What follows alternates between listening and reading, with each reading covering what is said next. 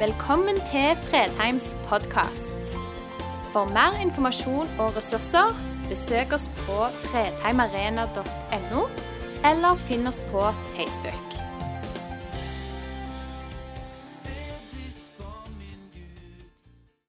Det er rart for oss predikanter hvis du, skal, hvis du har som mål å få en reaksjon fra menigheten, en respons, skal du tale om noe som gir dårlig samvittighet.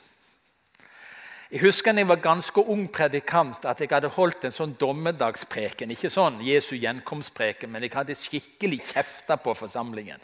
Eh, jeg vet ikke hvorfor. Jeg hadde sikkert hatt en dårlig dag eller, og ikke lært å takke, sånn som Lise sa. Så jeg tok forsamlingen skikkelig for meg. Og på vei ut så var det flere av de som sa og i dag var det godt å være her. sa de. Hva var det som var godt? Jo, jo de, de, de, de, følte noe. Sant? Altså, Fikk dårlig samvittighet. Og av og til kan vi trykke på sånne knapper som skaper reaksjoner. Det er jo ikke særlig bra, i alle fall når motivasjonen er helt feil. Et av de emnene du skal tale om hvis du skal få folk til å reagere Nå skal du snakke om bønn. For Hvis jeg nå tok en sånn rask håndsopprekkelse på hvor mange her inne er fornøyde med sitt bønneliv Du er akkurat der du skal være, og du ber så mye som du har planlagt. og Bønnetiden går som en drøm. Det er nesten sånn at Når du har bedt, så tenker du 'Hvor ble den timen av?' Ikke sånn at 'Hvor ble de minuttene?' liksom sånn, Har det gått fem minutter? Jeg trodde det har gått minst en halvtime nå. Det er rart med enkelte tema i kristenlivet Bønn er et sånt evne som ofte skaper dårlig samvittighet. Så går vi ut fra et møte, en gudstjeneste, har vi hørt om bønn, og så Dette får ikke jeg til. Det andre som er garantert å skape dårlig samvittighet, det er vitnetjeneste. Så Hvis du da taler om bønn og vitnetjeneste i samme preken, da har du forsamlingen. Da, har du liksom, da kan du bare invitere til forbønn etterpå, så kommer alle. Men det er jo ikke sånn det skal være. Det er jo ikke sånn det skal være. I dag har jeg to ønsker for gudstjenesten og preken. Det er at du ikke skal kjenne deg fordømt. Og det andre er at du skal kjenne en motivasjon og lyst til å ta imot den invitasjonen som Gud gir oss til å be. Ganske enkelt. Ikke gå ut med bøyd nakke og tenke 'enda en ting jeg ikke får til'. Fordi bønn er en Guds god gave for å finne og virkeliggjøre hans vilje. Bønn er ikke en sur plikt. Det er noe Gud gir oss. Det er noe Gud rekker til oss som en fantastisk mulighet. Mye mer enn det er en sur plikt og en oppgave som skal ligge tungt på oss. Nå er det to-tre nådegaver, og nå skal jeg ha en liten innledning om det som er litt ekstra utsatt. Og Nå skal jeg tale til dere som har bønnens nådegave. Nå skal jeg si det ganske mildt og forsiktig. Men en del nådegaver har det i seg at folk blir så engasjert i den nådegaven at de ikke forstår at andre kan la være å be så mye som de gjør. Eller holde på like mye. En del evangelister er jo sånn. Jeg har truffet noen evangelister som er så overivrige evangelister. og Hvis jeg sier at jeg får ikke helt det der til med vitnetjenesten, da forstår de ingenting. For det er, jo, det er, jo, bare det livet handler om å vitne om Jesus. Og En del forbedere og bønnemennesker er så ivrige i sin bønnetjeneste at hvis ikke andre kommer på bønnemøte, så lurer de på er de riktig kristne, de folkene der. Hvor er de når det virkelig store skjer? Altså, Der er det som heter en gaveprojeksjon. Vi overfører det, vi, det Gud har gitt oss. Overfører vi til andre. Så kan vi bli fordømmende. Rett og slett. Vi kan skape dårlig samvittighet istedenfor å skape motivasjon. Og Nå skal dere få en gave som jeg ikke er i nærheten av å ha, som et eksempel. For Paulus han sleit litt med dette. 'Jeg skulle ønske at alle var som jeg', sa han. Ugift. Paulus hadde nådegaven til å leve alene. Den kan jeg si. Når jeg har tatt nådegavetester, så jeg, jeg får ikke et poeng på den. Jeg er ikke i nærheten av den. Men Paulus hadde det som en nådegave.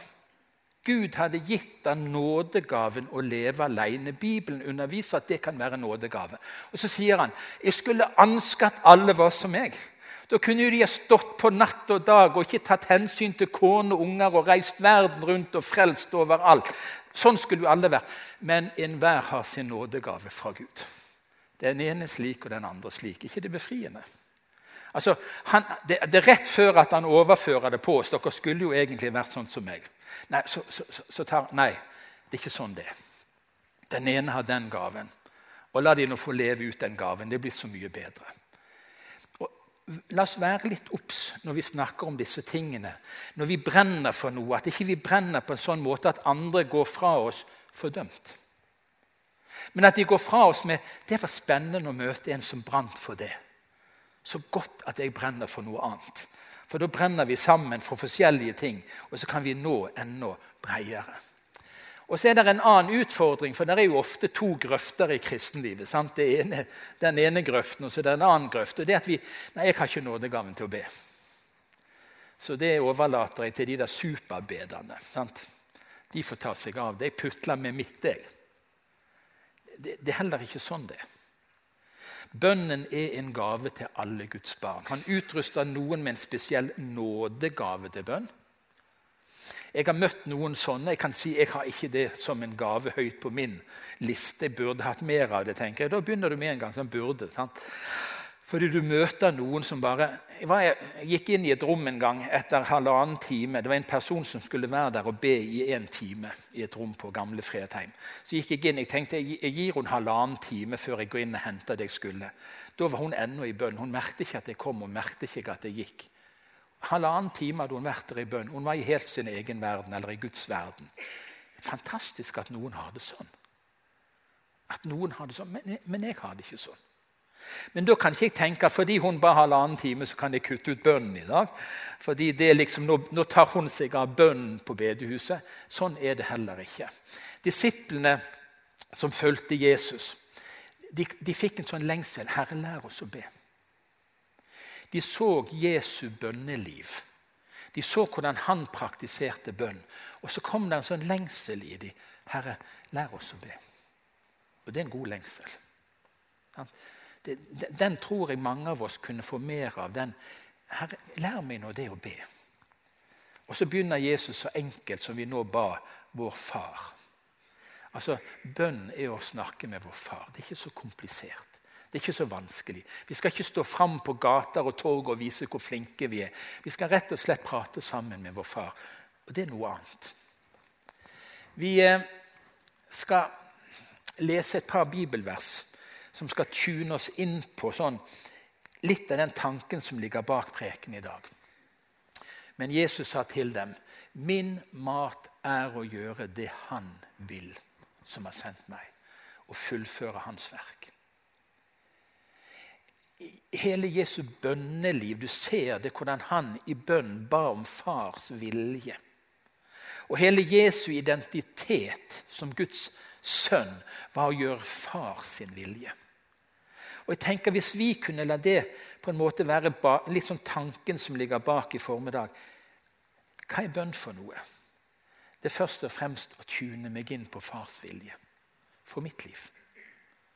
Det er først og fremst det å be Gud vise meg sin vilje. Og I Hebreabrevet så står det så nydelig Da sa jeg, se, her kommer jeg. Dette er Jesus. For å gjøre din vilje, Gud. I bokrullen er det skrevet om meg. Altså, Jesus kom for å gjøre Guds vilje. Hans bønneliv, når han så mange ganger gikk i bønn Foran alle store begivenheter i Jesu liv så går han i bønn. Han begynner med 40 dagers bønn og faste i ørkenen. Og når han skal utvelge disiplene, så er han avsides i bønn. Hele tiden så ser du at Jesus på en måte han, hva, hva er din vilje, far? Hva vil du? Tidlig neste morgen, mens det ennå var mørkt, sto Jesus opp, gikk ut og dro til et øde sted og ba der. Vi, vi, vi ser at han ba, og hele tiden så var det motivet for Jesus Gud, hva vil du?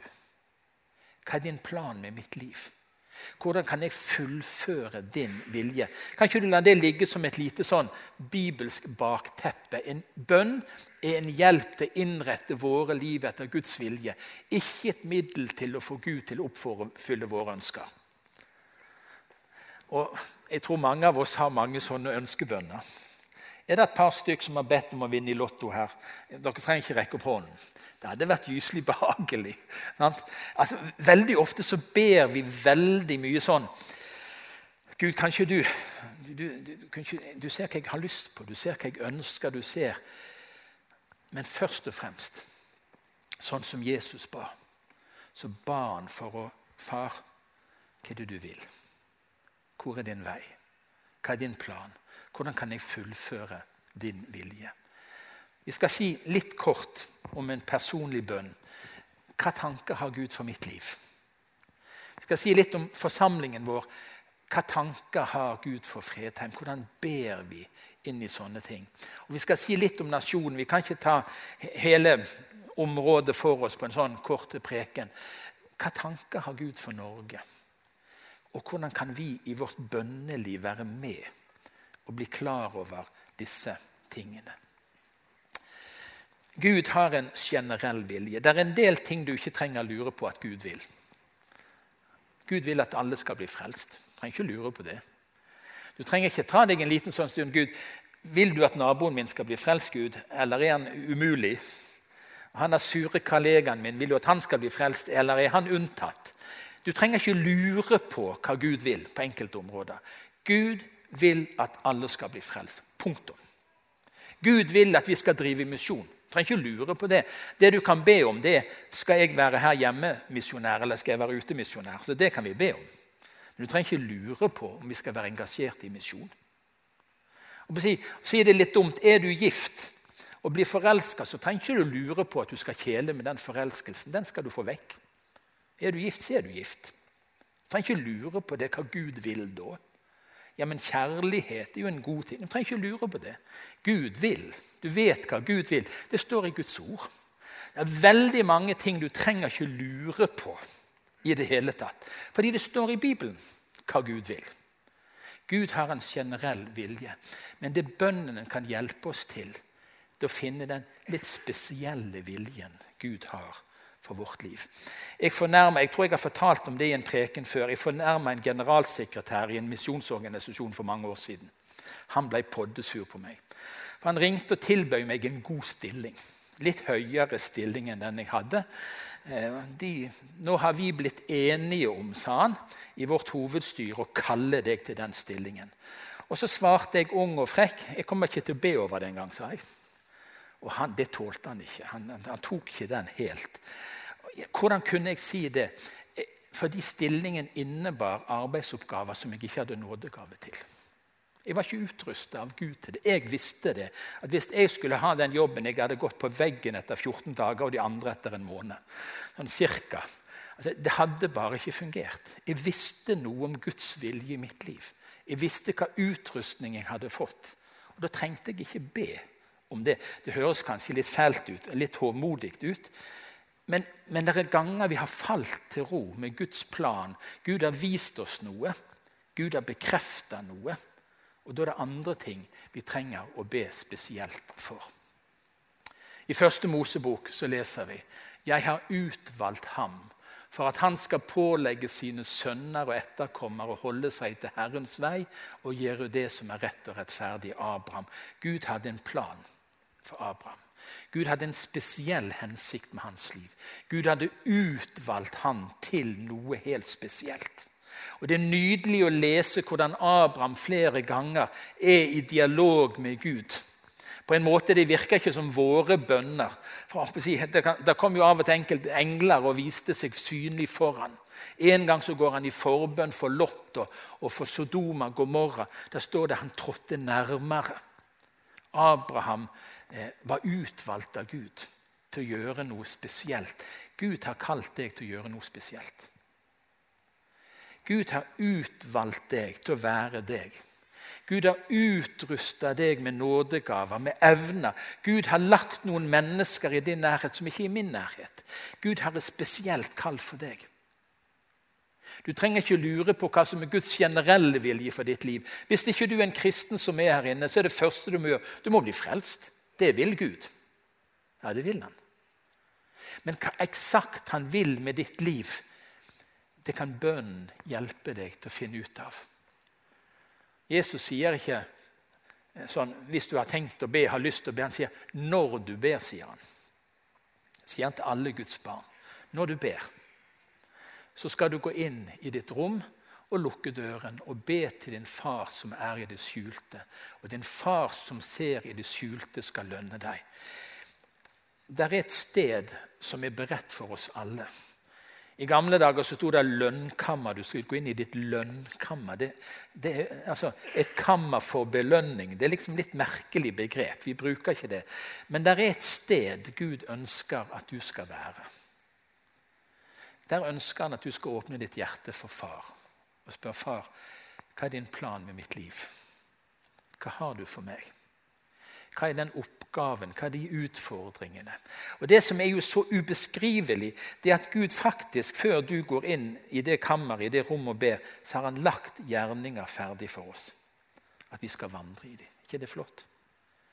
Gud ønsker at vi skal bruke bønnen til å finne de gjerningene som ligger ferdig for oss. Slippe å streve i egen kraft, slipp å gå feil, slipp å bomme. Gud, vis meg. Gud, vis meg. Hva er din spesielle plan? Hva er din hensikt med mitt liv? Og I Salme 32 så har David, der er det så mange vers vi kunne ha stans for, men så på en måte ender det opp med dette. Gud taler inn til han, jeg vil, jeg vil gjøre deg vis. Det er nye oversettelser. De gamle ligger liksom lagra. Jeg vil gjøre deg vis og lære deg den veien du skal gå. Jeg vil la mitt øye hvile på deg og gi deg råd. Det er jo nydelig. Jeg kjenner at jeg slapper av litt på det. Gud vil vise vei. Gud vil åpenbare. Gud ønsker å gjøre oss kloke i det å lede vårt eget liv. Det å følge Guds plan, de gode gjerningene Gud har lagt ferdig for oss. Helt personlig har Gud en plan for ditt liv. Og vi kunne tatt med mange bibelvers som på en måte beskriver forskjellige måter dette kan Av og til trenger vi søke råd hos hverandre. Bibelen sier mange ganger at der det er mange veiledere, der er det seier. Så hvordan denne Guds vilje skal åpenbares for oss, det kan være en minnelse. Det kan være en trygghet i forhold. Vi bare kjenner det, at vi dras mot noe. Det er dører som lukkes for oss, andre som åpnes for oss. Men, men hør. Jeg vil la mitt øye hvile på deg og gi deg råd. Er du åpen? Personlig. At bønnen på en måte er en mulighet for deg til å tune deg inn på Guds gode vilje med ditt liv. Så handler det om Fredheim, forsamlingen, menigheten. Og Dette bibelverset det har jeg understreket mange ganger. Jeg kommer til å understreke det mange ganger til. Så nå kan du bare være med på en ny repetisjon. Jeg sier deg, du er Peter, og på denne klippen vil jeg bygge min kirke. Og dødsrikets porter skal ikke få makt over den. Jesus bygger sin kirke. Jesus har en plan for Fredheim. Jesus har en hensikt med denne menigheten. Han har en plan for dette fellesskapet. Noe er helt generelt. Det at han vil at folk skal bli frelst her. Gjenoppretta, helbreda, utrusta. Det vet vi at Jesus vil. Akkurat hvilken gruppe mennesker vi spesielt skal satse på, det må vi be om. Det handler om hans spesielle vilje for oss. Og Det handler jo ikke om bygningen. Jeg liker bedre dette bildet her, hvor vi står når vi hadde denne kickoffen for Drømmen 2025. Vi er mennesker sammen, og vi har bedt Gud vise oss hvor, hvor skal vi gå hen. Hva er din plan for forsamlingen vår? Hvor vil du vi skal være i de neste årene? Og Så fikk vi lov å være med og feire det vi var kommet fram til. Så menigheten på årsmøtet hadde sagt dette tror vi er det Gud har ledet oss inn i. Og nå er vi på vei inn i noe. Og så ser vi noe skje av det. For ett år siden så var det ett Avana-lag i Norge. Hvor mange blir det nå i oppstart i høst, Anne Lene? 33 Havana-lag starter opp nå denne høsten. Er ikke det en bra eh, forandring? Gud leder oss på forunderlig vis til å møte noen mennesker. Han hadde gjerninger lagt ferdig for oss Vi visste ikke det, men Gud visste det.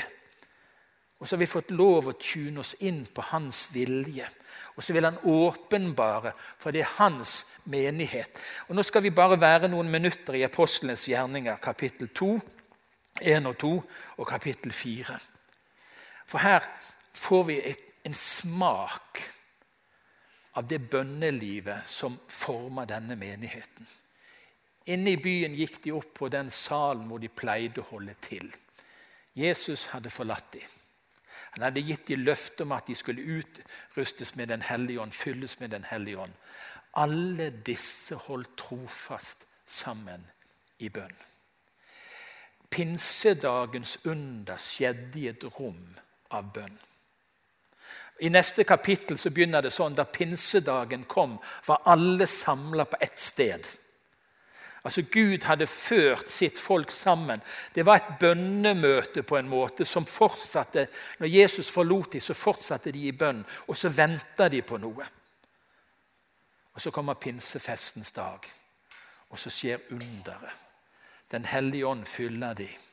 De taler i fremmede tunger så folk forstår de. Og Peter står fram. Reddharen var blitt en klippe.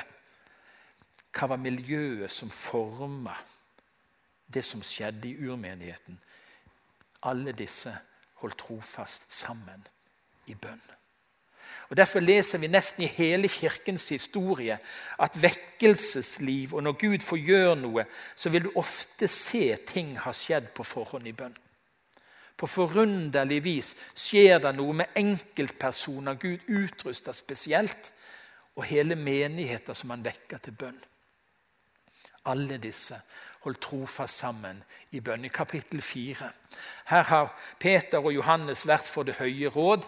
Da de andre hørte det, ba de til Gud med ett sinn og én stemme, står der. Menigheten var ett når de ba. Og Dette er en hemmelighet i den kollektive felles bønnen i menigheten. At det er en enhet i det vi ber om. Det er noen, som fleiper litt med det med bøndene på Jæren. Sant? Enten har noen fått svar for at de ville ha mer regn, men naboen ba om mindre. Sant? Det er jo ikke lett for Gud å styre. Han ene vil ha mer, for han har et sånt jordsmonn. Han andre vil ha mindre, for han har et annet jordsmonn. Skal det være sånn at regnbyene kommer sånn helt avgrensa? Altså, det, det, er ikke lett hvis en menighet er ikke enig om hva de skal be om. Hvis en menighet ikke vet hva Gud vil, og vi drar i hver vår retning med ett sinn og én stemme. Da de hadde bedt, skalv stedet der de var samlet. De ble alle fylt av Den hellige ånd og talte Guds ord med frimodighet. Gud utkaller oss til bønn som fellesskap. Dette er et bedehus. Det ser jo ikke sånn ut, kanskje, men det er det det er. Fredheim bedehus var liksom utgangspunktet. Mitt hus, sa Jesus, skal være et bønnens hus. Og så sa han for alle folk. Det er noe vi vet Gud vil. Gud vil misjon, Gud vil vekkelse. Dette vet vi Gud vil. Men så vil han lede oss som forsamling, som fellesskap, der han ser vi har en spesiell oppgave. Gud vil at Fredheim skal drive misjon. Gud vil at vi skal arbeide blant barn og ungdom så de får lov å møte Jesus, bli født på ny og bli hans etterfølger, sånn som Gry så fint innleder med.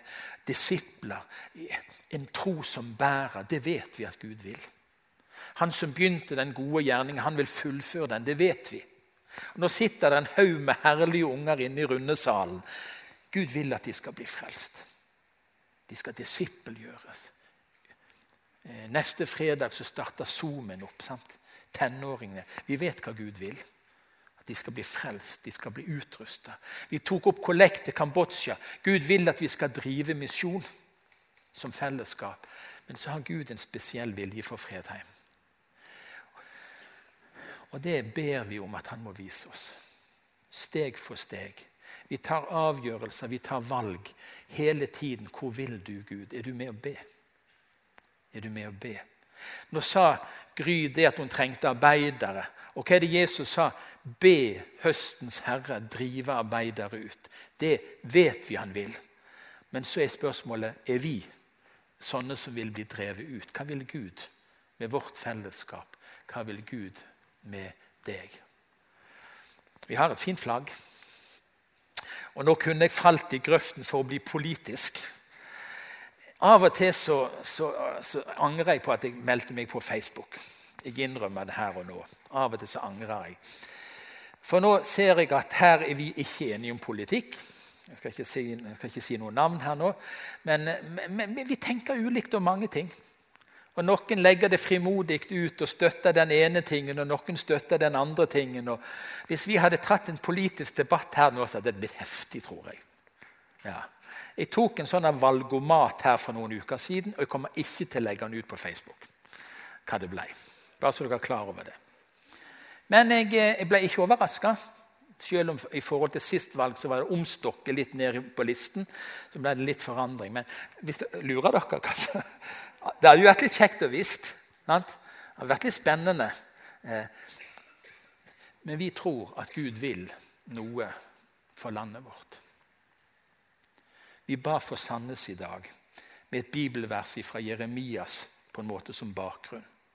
Israelsfolket er tatt i fangenskap. De ikke bare flytta til en annen by, de flytta til et annet land. De er på fremmed mark. Vi er, sier Jesus, vi har vårt hjemland i himmelen. Og I gamle dager så sang musikklaget 'Vi bor ei her, vi er jo bare gjester'. Har dere hørt den sangen?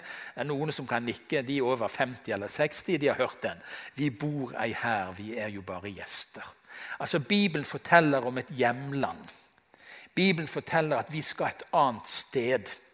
Nå er vi på fremmed mark. Hva gjør vi mens vi er her? Og så sier Jeremias i en profeti dere skal fremme fred for den byen som jeg har ført dere til i eksil, og be til Herren for den.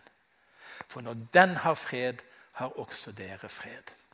Vi er kalt Uansett hva politisk parti vi vil stemme på i september, så er vi kalt til å be for nasjonen vår. Vi er kalt til å be for Norge. Vi er kalt til å be om at Guds rike må få rom og få plass i denne nasjonen. Vi synger det du sendte ditt ord til Noregs fjell, og ljos over landet strømde. Vi ber om at vekkelsestider igjen må komme tilbake igjen til Norge. Uansett hva politisk parti vi kommer til å støtte og stemme på, så står vi sammen og ber til Herren for den. Vårt første oppdrag som kristne det er å be for land og be for folk. Og dette bildet syns jeg er litt koselig. Det er ikke sikkert dere ser det helt tydelig. Her sitter kongen og kronprinsen og sikkert sånn cirka nåværende regjering. Kanskje er det bytta ut noen. Vi kan mene hva vi vil om de folkene der. Men det vi ikke kan la være å gjøre, det er det som Bibelen sier. Jeg formaner dere framfor alt til å bære fram bønn og påkallelse og takk for alle mennesker. Be for konger. Og alle i ledende stillinger. Så vi kan leve et sted stille og fredelig liv med gudsfrykt og verdighet i alt. Vi er kalt til bønn, folkens. Vi er kalt til å be for nasjonen. Vi er kalt til å be for byen vår. Og hva skal vi be om? Vi skal be om å få lov å leve som kristne. Forkynne evangeliet. Ha frihet til å formidle det vi tror på, han vi tror på og med stor frimodighet. Og så kunne vi ha sagt noe om at kristne òg må engasjere seg politisk. Det er sunt. Vi trenger kristne stemmer i politikken, i bystyret, i, på Stortinget, i regjeringen. Mennesker som har gudsfrykt med seg. Vi trenger det vitnesbyrdet alle steder i nasjonen. Og Derfor ber vi òg om at kristne mennesker blir utrusta til å være i politikken. Men hør hva det står. Ordspråkene. Kongens hjerte er rennende vann i Herrens hånd. Han leder det dit han vil. Har du dvelt ved det? Vi skal be for konger og personer i ledende stillinger. Vi tenker om de at mange av de er upåvirkelige. Nå ba vi for noen situasjoner nå i verden som virker utrygge. Og vi må jo si Det er en del ledere i nasjoner som ser ut til ikke helt forstå verken sitt eget eller folkets beste. Men vet du, vi kan være med å påvirke. Vi kan være med å be. For du ser, Når Gud griper inn, så blir kongens hjerter som rennende vann. Gud kan styre. I hele Det gamle testamentet, mye av det rare som skjedde med israelsfolket, så ser vi at det var Gud som sto bak. Det var Gud som vekte konger og fyrster og herskere som en del av sin plan inn mot sitt eget folk. Gud er på tronen. Gud er mektig. Gud er stor. Og vi kan hver for oss være med og påvirke. Foran murens fall Jeg husker ikke årstallet nå, det burde jeg ha sjekka.